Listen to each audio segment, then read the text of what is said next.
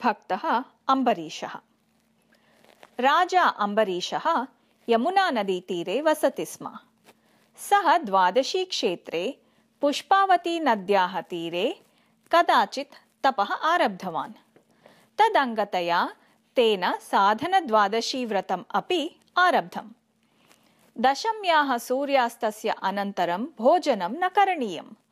द्वादश्याः सूर्योदयात् पूर्वम् एव पारणा समापनीया।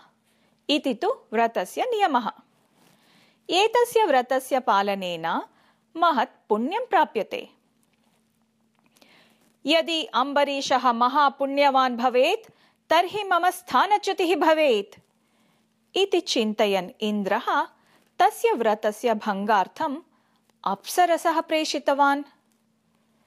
किन्तु तेन किमपि प्रयोजनं न सिद्धम् अतः इन्द्रः महातपस्विनं दूर्वासो मुनिम् एतस्मिन् कार्ये नियुक्तवान्।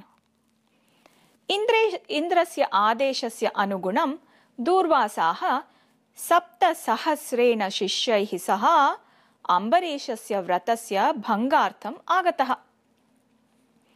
मध्ये मार्गं पुष्पावती नदी दूर्वाससः गमने प्रतिबन्धं कृतवती मार्गः दीयताम् इति आदिष्टवान् मुनिः। किन्तु नदी तस्य आदेशं न अपालयत्। तदा कुपितः दूर्वासाः तां नदीं विपरीतगामिनीं कृत्वा नगरं प्रविष्टवान्।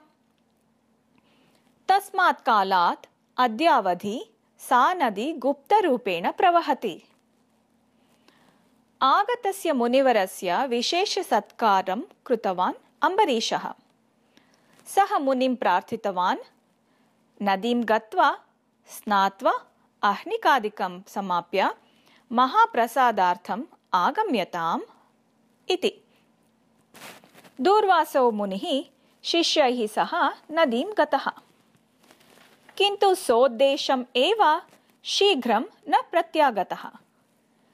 द्वादश्याः सूर्योदयसमयः आसन्नः आसीत् व्रतभङ्गः न भवेत् इति उद्देशेन अम्बरीषः देवाय नैवेद्यम् अर्पितवान्। स्वस्यं च तीर्थं सेवमानः पारणां समापितवान्। नदीतः प्रत्यागतः दूर्वासाः नितरां क्रुद्धः जातः। सः स्वस्य तपोबलेन काञ्चित् राक्षसीं सृष्टवान्। अम्बरीषस्य हननं करोतु इति आदिष्टवान् च। अम्बरीषः महाविष्णुभक्तः। भक्तस्य कष्टम् असहमानं विष्णोः सुदर्शनचक्रम् अम्बरीषस्य रक्षणं कर्तुम् इच्छत् आदौ राक्षस्याः संहारम् अकरोत्। ततः तत् दूर्वाससः संहाराय उद्युक्तम् अभवत्। दूर्वासाः विविधान् देवान् शरणम् अयाचत्। किन्तु कोऽपि अभयं न दत्तवान्। विष्णुः अवदत् अम्बरीषः भवतः निमित्तम् उपवासं करोति। अतः अम्बरीषं शरणं गच्छतु भवान्। सः एव भवन्तं रक्षयिष्यति। इति।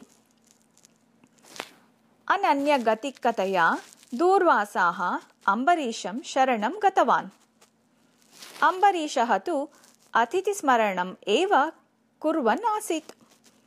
अम्बरीषस्य प्रार्थनां पुरस्कुर्वन् सुदर्शनचक्रं ततः प्रत्यगच्छत्। ततः तौ उभौ अपि सन्तोषेण भोजनं कृतवन्तौ।